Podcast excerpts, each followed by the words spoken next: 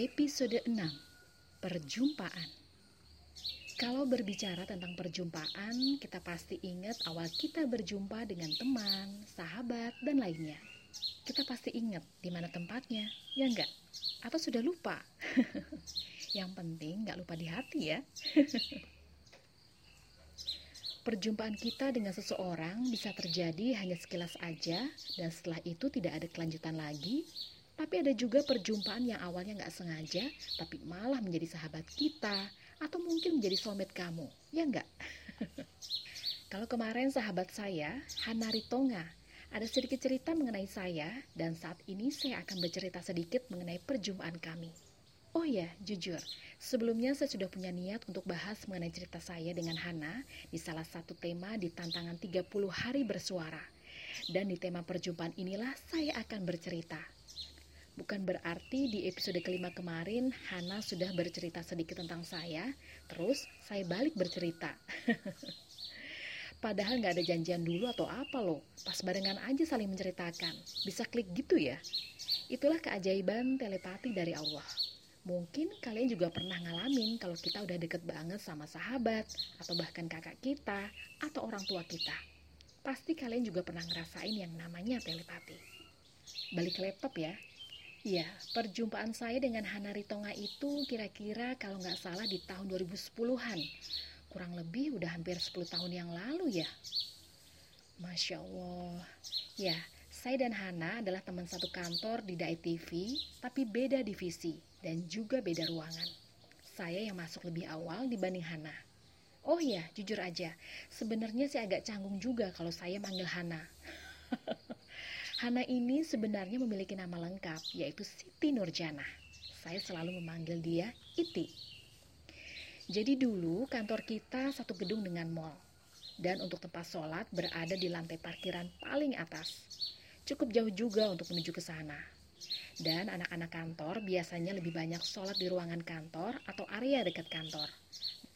Nah, salah satunya di tangga darurat. Tangga darurat ini tidak terkunci, tapi cukup bersih karena jarang dilalui orang. Saya pun salah satunya yang sering menggunakan tangga darurat itu untuk sholat. Di setiap pagi sebelum jam kerja, saya sholat duha. Dan gak lama ada seorang wanita datang untuk sholat duha. Posisinya ada di depan saya. Dan dialah Iti. Iti ini udah memperhatikan saya udah lama kayaknya. Meski saya duduk di belakangnya, dia tahu saya Mungkin karena saya habis sholat, curhat ke Allahnya banyak banget ya, nggak kelar-kelar. karena mungkin Iti penasaran, biasanya kita kalau habis sholat pasti bercermin dulu. Dan Iti adalah salah satu orang yang bercermin ketika selesai sholat. Dan ketika Iti bercermin, ternyata Iti dengan sengaja memperhatikan saya yang sedang curhat banyak ke Allah. Mungkin waktu itu saya lagi komat kamit dan berpengharapan penuh ya dan terkadang juga ada air mata di pipi saya. Ups. dan dari cermin itulah Iti sering ngamatin saya. dan singkat cerita, akhirnya kita kenal sampai sekarang. Makanya kalau ingat awal perjumpaan itu sesuatu banget. Allah mempertemukan kami sebagai sahabat dengan segala keunikan kami masing-masing. Salah satunya suku kami. Iya, saya orang Jawa dan Iti orang Medan. Saya yang pemalu, lebih sering malu-maluin sih. dan Iti yang lebih berekspresi. Ya, kita nggak pernah tahu perjumpaan kita dengan seseorang itu apakah berlangsung lama atau berlangsung hanya sementara atau sekilas. Perjumpaan sekilas misalnya, mungkin ketika kita pernah berjumpa dengan seseorang dan seseorang itu menjadi orang yang spesial buat kita, tapi ternyata menurut Allah dia nggak baik buat kita, toh akan dijauhkan. Selalu meyakini diri kalau orang-orang baik akan berjumpa dengan orang-orang baik. Begitupun sebaliknya. Ya, perjumpaan kita dengan orang-orang yang pernah kita temuin semua akan menjadi cerita nantinya. Dan juga menjadi pelajaran buat kita. Apakah orang-orang tersebut membawa kebaikan dan keberkahan untuk kita atau enggak?